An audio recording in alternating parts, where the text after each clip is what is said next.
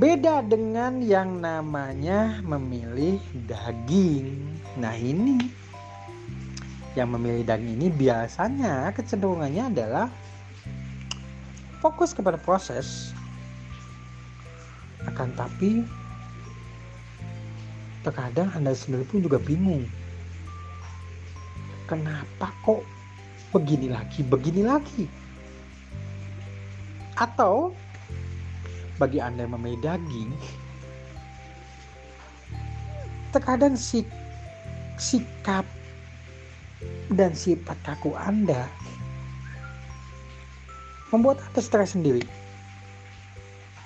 Karena di satu sisi Anda ingin selalu sesuai dengan standar yang ada. Akan tapi di sisi lain kadang-kadang Anda pun ingin berontak. Atau Anda yang memilih daging biasanya mempunyai kecenderungan di mana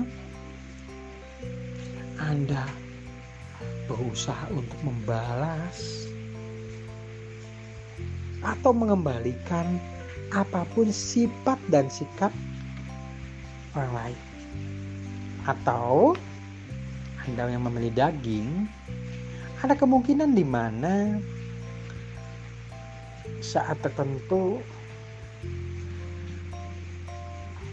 ketika Anda diingatkan, kadang-kadang Anda kurang terima. Malah Anda terkadang membandingkan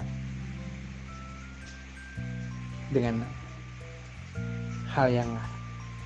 Atau bagi Anda yang memilih daging,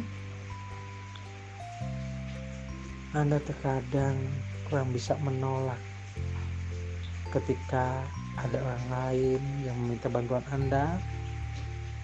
Ya, nama juga nggak tega.